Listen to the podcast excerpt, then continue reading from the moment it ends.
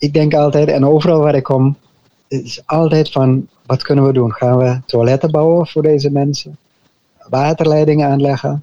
En daarna denk je natuurlijk pas aan elektriciteit. Dus op technisch gebied kunnen wij daar veel aan doen. De wereld rond. In deze podcast spreek ik, Gerard Adriaanse, met zendelingen over hun leven en werk, hun wel en wee en wat hen beweegt. Vandaag in de wereld rond spreken we met Daniel Huisman. Hij groeide op in een gezin wat zich toewijde aan het bekendmaken van de liefde van God in Curaçao. En zodoende was Daniel al als kind bekend met het begrip zending.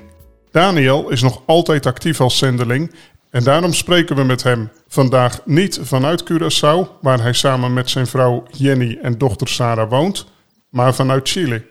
Daniel, welkom in de wereld rond. Fijn dat je tijd hebt kunnen vrijmaken om ons meer te vertellen over je leven en werk. Hallo Gerard, ja, dankjewel. Uh, ja, met ons gaat het goed. En uh, ja, zoals je al zei, we werken op Curaçao. Maar we zijn nu even in Chile, omdat uh, de vader van Jenny, die hier woont, ziek is. En de familie heeft een reis betaald, zodat we eventjes hem nog kunnen zien. Ja, een bijzondere tijd dus. Ja, ja. Daniel, kun je ons wat meer vertellen over jezelf? Waar ben je zelf geboren en waar ben je opgegroeid? Ja, ik ben geboren in Arnhem, Nederland. En toen ik drie maanden oud was, toen gingen mijn ouders voor het eerst de zending in. Eerst naar Frans-Guyana, daar hebben we een jaar gewoond. En toen zijn we weer naar Nederland gegaan, een zusje geboren en toen naar Curaçao. Dus uh, toen ik twee jaar oud was, kwamen we met z'n allen op Curaçao aan. Hoe was het voor jou om op te groeien als kind van zendelingen? Ja, je, je weet wel dat je speciaal bent natuurlijk. En het doel was van mijn ouders mensen vertellen van het evangelie. Dus je weet wel als kleinkind, de mensen moeten iets horen wat ze niet weten. En dat, dat is iets wat je als kleinkind wel merkt. Dus je voelt je wel speciaal, want je weet, we moeten iets doen want het is nodig. En dan natuurlijk later, als ik, toen ik ouder werd, wist ik waar het om ging. En uh, dat was wel heel fijn altijd. Ja. Mooi. Wanneer besloot je zelf Jezus te volgen? Ja, ik, uh, het was al heel klein natuurlijk. Ik was zes toen ik het me besefte. Dus ik weet niet hoe ver van tevoren dat ook gebeurd was. Maar het was een speciaal moment. Toen waren we in Nederland op vakantie. En dan gingen we naar conferenties. En elke keer als we naar een samenkomst gingen of een conferentie en de kinderen gingen apart naar hun zondagschool, weet ik nog goed dat als er de oproep werd gedaan aan de kinderen, en ik was zelf ook zes, van wie wil Jezus in zijn hart aannemen? En ik keek om me heen en ik zag allemaal vreemde kinderen. Want ik ben gewend in onze kerk Curaçao. Ik kende alle kinderen en ik wist wie naar voren waren gegaan. En alle vreemde kinderen en niemand ging naar voren. Natuurlijk waren ze ook allemaal zelf al, hebben ze zelf al Jezus aangenomen in hun eigen kerk. Toen dacht ik, weet je wat, ik ga naar voren om hun een voorbeeld te geven. Misschien durven ze niet. en daarna ging de leidster dan naar mijn moeder en zei, oh, Daniel heeft zijn hartje aan Jezus gegeven. En mijn moeder in haarzelf lachen en zeggen, oh ja, wat fijn. Want ik deed het, ik deed het vaak. Dus uh, dat was wel mooi om te horen, nu ja. ik ouder ben. maar dat is een moment wat je je nog speciaal herinnert? Ja, dat herinner ik me nog wel. Dat ik naar voren ging en ik dacht van waarom gaat niemand naar voren? Want iedereen moet Jezus aannemen, dacht mm. Ja. Daniel, je omschrijft jezelf als een technische zendeling. Hoe kom je aan je technische vaardigheden? Heb je daar een speciale opleiding voor gevolgd? Nou, mijn vader is heel erg technisch toen we op Curaçao gingen wonen, na een tijdje is hij ook eh, ergens anders gaan wonen met een veel groter terrein met, waar je veel meer kon doen. Dus we bouwden zelf van alles. Mijn vader is elektricien, maar hij kon ook van alles. Dus dat is een beetje in ons, uh, in alle zoons, een beetje overgeslagen. Alle, al zijn zoons zijn wel technisch. Dus van jongs af aan, je weet wel, met spelen met Lego en uh, zelfs met batterijtjes en elektrische draadjes en een klein lampje. Zo is het allemaal begonnen, maar gewoon om uh, curieus te zijn en altijd iets te willen leren van iets technisch. Dat was altijd mijn doel. En dat ging helemaal vanzelf. Bijvoorbeeld in de keuken staan afwassen, dat was helemaal niks voor mij. Maar iets uh, knutselen of iets anders. Dus uh, toen ik zo opgroeide, toen was het gewoon heel duidelijk, zelfs voordat ik fulltime ging, dat ik uh, behoorlijk technisch was. Had een fiets, dus die kon ik helemaal zelf repareren. Daarna kreeg ik een, kocht ik een bromfiets, die kon ik ook helemaal uit elkaar halen en helemaal zelf repareren. Je hebt er niet een speciale opleiding voor gevolgd? Uh, nee, nee. Ik heb maar één jaar MTS gedaan. Ik zat in die klas van de MTS. En um, er was één leraar, dat was de wiskundeleraar. Ik vond wiskunde heel fijn. Ik hield van alle technische vakken natuurlijk. Maar ik had nooit zin in huiswerk. Dus um, wiskunde is zo dat je iets leert en dan moet je het oefenen, goed in je hoofd leren, zodat je daarna weer kan, verder kan uitwerken. Maar ik vond het wel leuk, maar ik had geen zin om alles te onthouden. Maar die leraar, die was uh, goed Rooms-Katholiek. En hij vond het leuk om te evangeliseren. Dus om zijn geloof, katholicisme, te vertellen aan zijn klas. En omdat hij wist dat ik volle evangelie was, vond hij het heel leuk om met mij te discussiëren. Dat vond ik ook niet erg en uh, niemand anders vond het erg. Maar en soms dan leek wel voor de grap, dan zei hij: Daniel, je houdt weer de klas op. We moeten doorgaan met de les. terwijl, hij, zelf begint. Maar in ieder geval, hij, hij vond het wel fijn, onze discussie altijd. Dus, maar maakte af en toe mijn huiswerk niet. En toen zei hij op een keer: Daniel, kan je dat voor ons uitwerken? En ik zei: Nee, nee. En toen zei hij: Daniel, doe wat je wel wilt doen. En hij draaide zich om en ging door met de, met de les. En ik dacht: Wauw, dat lijken wel woorden van God. Want ik, ik zat er altijd al mee, tenminste die tijd. Wat ga ik nu doen met mijn leven? Ik vond de MTS, ik vond dat ik alles al wist, technisch gezien dus. En ik, ik dacht, wauw, dit is Gods stem die zegt van Daniel, wat wil je nou doen? En ik zei gelijk, God, ik wil u dienen. En toen wist ik het. Toen zei ik, oké, dan ga ik fulltime de zendingen. Dus zo is het gegaan. Vertel ons eens wat meer over wat je doet, want je bent bij allerlei speciale projecten betrokken geweest en allerlei verschillende dingen gedaan. Wat doe je als technische zendeling zoal? Ja, nou, ik ben dus heel flexibel. Dus toen ik zei van ik ga fulltime de zending in, dat betekende dat ik natuurlijk een goed voorbeeld van mijn ouders heb gezien. We bouwden van alles, we deden van alles, legde elektriciteit aan in de gebouwen, waterleidingen in de gebouwen. Dus uh, van bromfietsen repareren, repareerde ik de auto's. We deden gewoon van alles. We waren eigenlijk een kleine communiteit die alles deed. De een deed dit, de ander deed dat. De een zat in de keuken en ik zat vooral buiten dingen repareren en zo. En toen kwam er een uh, groep van jeugd met een opdracht. En toen kon ik ook een DTS doen met hun. En zo is het eigenlijk verder gegaan in mijn leven. Dat van het een kwam het ander vanzelf. Dus overal waar ik kwam, daar deed ik natuurlijk niet alles wat ik op Curaçao deed toen ik jong was. Maar er was altijd wel wat te doen in de technische richting. Want waar ik kwam, was er altijd wel een nood in een bepaalde technische richting. En daar, daar kon ik me altijd natuurlijk heel, heel goed in uitleven. En daar waren de mensen altijd heel blij mee dat ik daar wat voor hun kon doen. Bijzonder hoe je God je gaven dan gebruikt.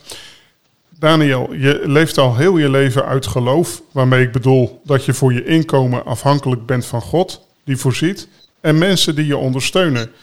Heb je een voorbeeld voor ons van Gods voorzienigheid, wat je met ons kunt en wilt delen? Ja, heel veel natuurlijk.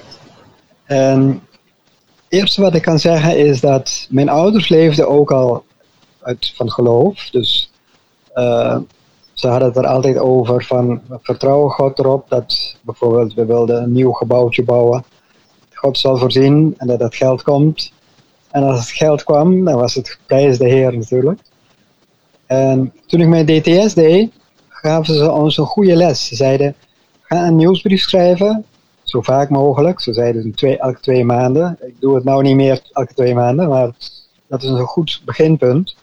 En daarin vertel je wat je doet en daarin vertel je je nood. En als je wat nodig hebt, dan zet je dat ook bij. En dat deel je uit aan al je vrienden. En zo heb ik dat gedaan. Zo ben ik begonnen. En in het begin heel langzaam natuurlijk, maar heel langzaam maar zeker. Dan kwamen er weer vijf gulden binnen. En dan, ik vroeg ook altijd per maand. Dus geen eenmalige gift, maar gewoon kleine giften per maand. Zodat ik door kan gaan. Dat ik mhm. niet elke keer weer hoefde uit te leggen. En zo ging dat heel goed. Maar er waren natuurlijk ook tijden dat ik een behoorlijke hap geld nodig had, bijvoorbeeld voor een reis of zo. En uh, het was mooi dat God daar ook in voorzien.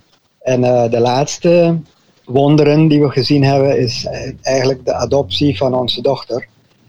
Die is nu tien jaar, dus dat was ongeveer tussen de vijf jaar geleden dat we haar hebben geadopteerd.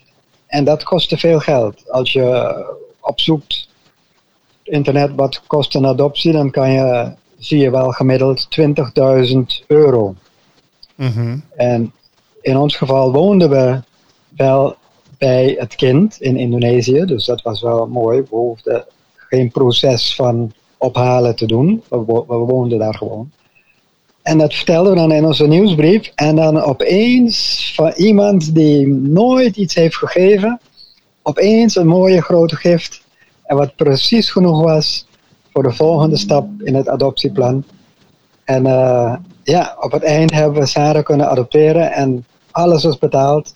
Dat was een hele mooie, mooi voorbeeld van hoe God ons heeft geholpen hierin. Ja. Fantastisch, prijs de Heer. Je bent op heel veel plaatsen in de wereld geweest, Daniel. Aan welk project waaraan je gewerkt hebt, heb je speciale herinneringen? Projecten in Indonesië, dat is, uh, ik denk als hoe, hoe dankbaarder de mensen zijn als je wat doet, hoe, hoe mooier je het zelf vindt. En dat was vooral in Indonesië. Ik, heb daar, ik merkte dat het regent daar veel. We hebben gewerkt in een uh, christelijk zendingshospitaal. En ze hadden een dam, dus is genoeg water. Maar de waterleidingen die waren niet zo goed. Dus ik zei, nou, ik ga dat op mij nemen om dat als eerste te doen, want water is zo belangrijk. En hebben dus uh, watertanks aangelegd en waterleidingen en overal de zalen naar binnen en de huizen naar binnen. Alles uh, netjes maken. En ja, dat was heel mooi. Voordien ben ik ook in Colombia geweest. Dat was ook heel mooi. Daar konden we een huisje bouwen, helemaal van de grond af aan. Speciaal voor straatkinderen. Dat is ook een mooi project. Ja, en dan ook in andere landen. In uh, Frankrijk heb ik ook meegeholpen in de zomer. Een aantal zomers. Daar hebben we een tent opgebouwd. En dan kon ik uh, meehelpen met video en audio geluid opnemen van de conferenties. En ja, natuurlijk in Curaçao, de eerste jaren, dat was ook heel mooi kon, kon ik heel veel doen. Auto's repareren. Ik heb zelfs een motor een keer helemaal uit de auto gehaald en verwisseld voor een dieselmotor. Dus dat waren wel mooie klusjes. Ja. Op een gegeven moment in je leven leerde je Jenny kennen. Vertel ons daar eens wat meer over. Hoe heb je Jenny leren kennen? Ja, ik ben dus uh, bijna 50 jaar uh, vrijgezel geweest. En Jenny ook. We zijn uh, net zo oud. Maar ik heb altijd online, toen, dus tenminste toen ik een computer kreeg, nou ja, dat is ongeveer 20 jaar geleden nu, hè, ben ik begonnen met online dating via Christian Café. Iedereen is christen en dan kun je gewoon elkaar leren kennen en aanklikken met wie je wilt schrijven. En als je dan eenmaal aan het schrijven bent, dan deel je je e-mailadres en dan kun je daarna verder met e-mail met elkaar praten. Dus zo had ik behoorlijk veel vriendinnen eh, leren kennen. En het mooie was, kan ik erbij zeggen, dat vele van hun waren gewoon vriendschappen. En van die vriendschappen, die nodigen me dan ook uit. hey, ben je in de buurt? Kom eens langs. Gewoon helemaal niets van uh, verliefdheid of zo, maar gewoon uh, iets leren kennen. Wil je het land zien? Of een... En zo heb ik eigenlijk, ben ik eigenlijk naar Indonesië gegaan. Want zij was aan het studeren voor dokter, ze was getrouwd ondertussen. Toen zei ze, hey, weet je wat, in Indonesië hebben we jouw hulp nodig. Ik weet wat je doet en je zult hier heel behulpzaam kunnen zijn. Dus toen ging ik naar Indonesië. En intussen heb ik ook Jenny leren kennen via het Christian Café. En ik dacht toen van, ja, ik moet nu eigenlijk wel een keer gaan trouwen, want uh, dit is wel een beetje te lang, 50 jaar. Maar ja, ze woonde in uh, Chile ze wilde graag de zending in. En ik zei van, waarom kom je niet om te kijken hoe het is? Ze zei, nou, ik wil wel graag, maar ik mag van mijn moeder niet het huis uit. Je moet hierheen komen. en toen uh, kreeg ik opeens een mooie gift. En toen zei ik, weet je wat? Ik neem die stap gewoon. Ik ga gewoon even Jenny leren kennen. En toen heb ik dat gedaan in het jaar 2010. Toen zeiden we, oké, dan gaan we volgend jaar trouwen. Dus dan over een jaar kom ik terug. Ik zei, laten we een mooie datum prikken. We prikken 11, 11 van de 2011. En dat lukte, dus toen uh, was ik in Chile en toen zijn we getrouwd. Bijzonder. Je hebt heel wat gereisd en overal gewerkt, Daniel. Maar uiteindelijk kwam je terug naar Curaçao, waar je een groot deel van je jeugd hebt doorgebracht. Hoe kwam je tot die keuze om terug te gaan naar Curaçao? Ja, Jenny vond dat Sarah toch ook wel Nederlands moest leren. Toen zei ze, nou het is heel mooi wat we hier doen. Oh ja, daar kan ik nog bij zeggen. Toen we Sarah adopteerde, toen heb ik Sarah haar eerste naam gekozen. De vrouw van Abraham.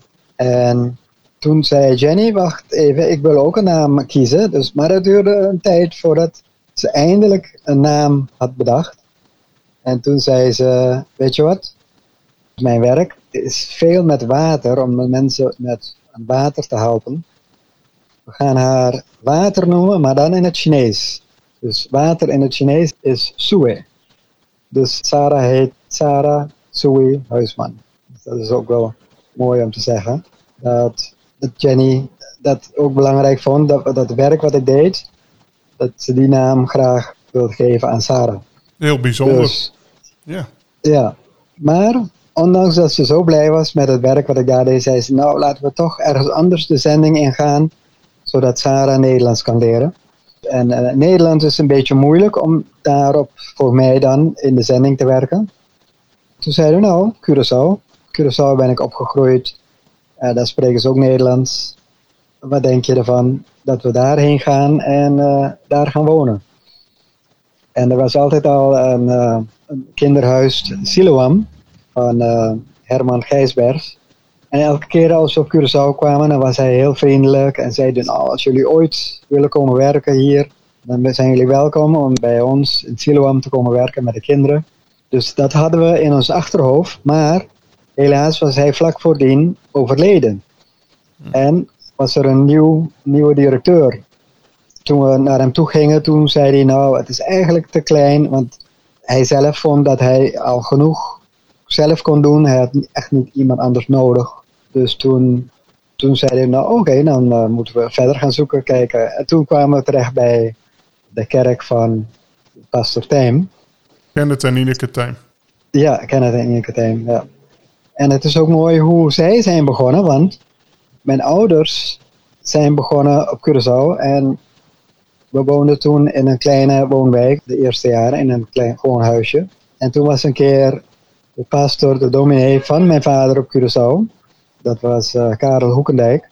En uh, ze reden rond om te kijken van wat kunnen we gaan doen voor de zending op Curaçao. En toen vlakbij was een leegstaand pand.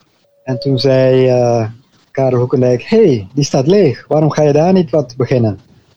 En toen zei mijn vader, oké, goed. Want Karel Hoekendijk zorgde natuurlijk met zijn organisatie voor fondsen vanuit Nederland. Dus uh, op die manier is het gegaan. Hij heeft mijn vader dat gebouw verbouwd naar de eerste Nederlandse en papiamentstalige samenkomsten in het volle evangelie op Curaçao. Want voordien waren het huissamenkomsten. En toen mijn vader ging verhuizen naar een groter terrein, een groter huis waar veel meer gedaan kon worden. En waar hij ook het kinderhuis is begonnen. En eigenlijk, hij moest daar ook koeien overnemen, want er waren, Curaçao zijn niet veel koeien. Maar dat, op dat terrein wel. Dus opeens was mijn vader toen ook melkboer. En dus hij had het heel erg druk. Dus toen ging hij op zoek naar een andere voorganger die dat gebouw in de stad een beetje kon overnemen. En uh, na een aantal mensen kwam Kenneth en Ineke kwamen in het licht. En toen zeiden ze, nou, willen jullie het niet overnemen? En toen zeiden ze ja. En na een tijdje hebben ze echt alles overgenomen, zodat het helemaal apart werd. En later heeft Kenneth nog veel andere gebouwen opgericht en uh, gekocht. Dus nu zijn er ongeveer acht verschillende samenkomsten van dezelfde denominatie. En de naam van zijn kerk is Iglesia Bidanovo. Daar werk ik nu. Dus toen we hen tegenkwamen, toen zei hij als eerste van... hey Daniel, je bent op Curaçao. Wat doe je? Ik heb een elektricien nodig, want ik ben een nieuw gebouw aan het bouwen. En ik, uh, ja, ik heb uh, hulp nodig. Ik zei, nou kijk, we hebben nergens om te wonen, we hebben geen auto. Oh ja, kom maar, ik heb, je kan hier wonen. En we hebben, wat later kreeg ik een auto die ik kon rijden. Dus zo heeft de Heer dat geleid dat we bij Kenneth en Ineke konden werken op het jeugdcentrum in Monte Carmelo. En uh, ja, ik heb eigenlijk niet eens tijd gehad om het werk te doen van de elektricien, want we hebben een andere aangenomen, want mijn taak werd gewoon voorman. Omdat voordien was Kenneth zelf de voorman voor alles. Hij moest overal heen en weer dit regelen, dat regelen. Dus dat deed ik. Dus ik kon zijn taak enorm verlichten. Dus ik voorzag de elektricien van alles wat hij nodig had. En de metselaar, en de schilder, en de bouwers. En heen en weer rijden, mensen ophalen, mensen weer voor het werk ophalen en weer naar huis brengen. Eten voor hun regelen smiddags. Koud water. Dus uh, dat is ongeveer mijn taak op het werk, ja. Ja, speciaal. Hoe je zo vanuit Indonesië naar Curaçao terugging en hoe God heeft voorzien, ook in werk zelfs. Voor veel Nederlanders is Curaçao een zonnig vakantieeiland. Hoe zou jij, Daniel, die daar bent opgegroeid en woont, het dagelijks leven op Curaçao willen beschrijven? Voor ons als Nederlanders. Ja, nou, het is hetzelfde als als je gaat, als je aan het lopen bent in een mall, dan loop je heel langzaam en rustig kijken naar de winkels. Maar als je aan het werk bent, dan loop je wat sneller. En zo is het ook op Curaçao. Curaçao is ons werk, dus je bent altijd druk bezig. Maar stel als je naar Curaçao komt en je zegt van, ah, lekker vakantie. Dan doe je het rustig aan en dan ga je op het strand liggen en dan denk je nergens aan. En alles uh, heerlijk en fijn en van de zon genieten natuurlijk. En ja, wij hebben hier dus eigenlijk Curaçao genoeg van de zon. dus dat is het verschil. Voor ons op Curaçao is het, het ons werk. En natuurlijk gaan we wel eens naar het strand. Maar ja, dan krijg je toch wel af en toe telefoontje of oh, dit of dat, of je zit ergens aan te denken. Dus dat is het verschil wel. Mensen denken vaak van, ah, heerlijk, je kunt altijd genieten. Maar natuurlijk genieten we wel. Maar het is toch anders dan dat veel buitenlanders eh, denken van ons. Het is niet zo dat je elke dag in een langzame sfeer zit van uh, niks doen. We zijn echt druk bezig met van alles. Dus Jenny en ik moeten goed afspreken dat we zeggen van oké, laten we op die en die dag, op dat tijdstip, even naar het strand gaan, eventjes uitrusten. Want het moet ook natuurlijk. Maar het, we moeten ons eigenlijk losbreken van de routine, dat we eventjes kunnen genieten. We doen het wel regelmatig, dus dat is wel fijn.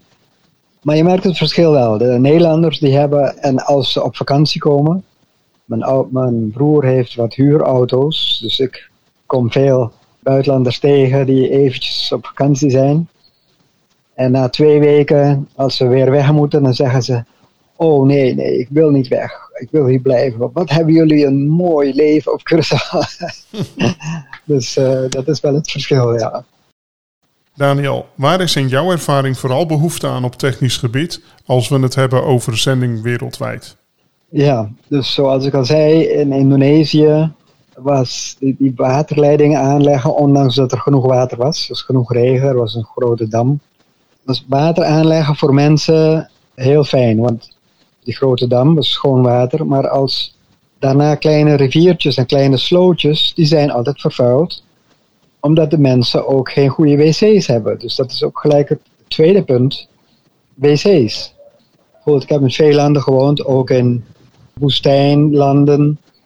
Mijn outreach trouwens met de DTS, toen ik 20 was, was in uh, Kenia, Afrika. En daar merk je ook dat mensen gewoon geen toilet hebben. En toen ik werkte in, uh, in Colombia, was op een, eilandje uh, waar we een, het huis bouwden voor de straatkinderen. Toen liep ik altijd langs een bepaald gedeelte, net buiten een andere klein stadje, zeg maar, een klein dorpje. En ik rook altijd een, een vreemde geur. Bleek dat de mensen uit dat dorpje hun behoefte deden in een plastic zakje en dat gooiden ze op één stapel bij de ingang van het dorpje. En het, het drong pas later me door, oh dat is allemaal hun ontlasting ligt daar. Dus ik denk altijd, en overal waar ik kom, is altijd van, wat kunnen we doen? Gaan we toiletten bouwen voor deze mensen? Waterleidingen aanleggen? En daarna denk je natuurlijk pas aan elektriciteit. Maar het is altijd eerst. En er zijn zoveel mensen, ja, zoveel, ik kan het niet eens. Uh, je zou eh, ook natuurlijk, je denkt natuurlijk ook financieel. Ook heel veel geld nodig om dat allemaal te kunnen doen voor zoveel mensen in de wereld die dat allemaal niet hebben. Dus op technisch gebied kunnen wij daar veel aan doen. Daniel, wat is je advies aan luisteraars die hun technische kennis graag wereldwijd zouden willen inzetten? Wat ik dan vooral deed, dus ik begon dus bij Jeugd Opdracht, maar je kunt altijd gaan zoeken, ook in de archieven van in de, zeg maar de landen die je kan opzoeken in Jeugd Opdracht, waar je kan gaan werken. Daar hebben ze altijd wel van wat je daar kunt gaan doen. Bijvoorbeeld, je kunt altijd, dat deed ik dus, opzoeken van waar is technisch, technische hulp nodig. Bijvoorbeeld, je hebt bijvoorbeeld een land waar helemaal geen technische hulp nodig was. Nou, dan hoef je je daar ook niet te gaan aanmelden. Nu kan alles online.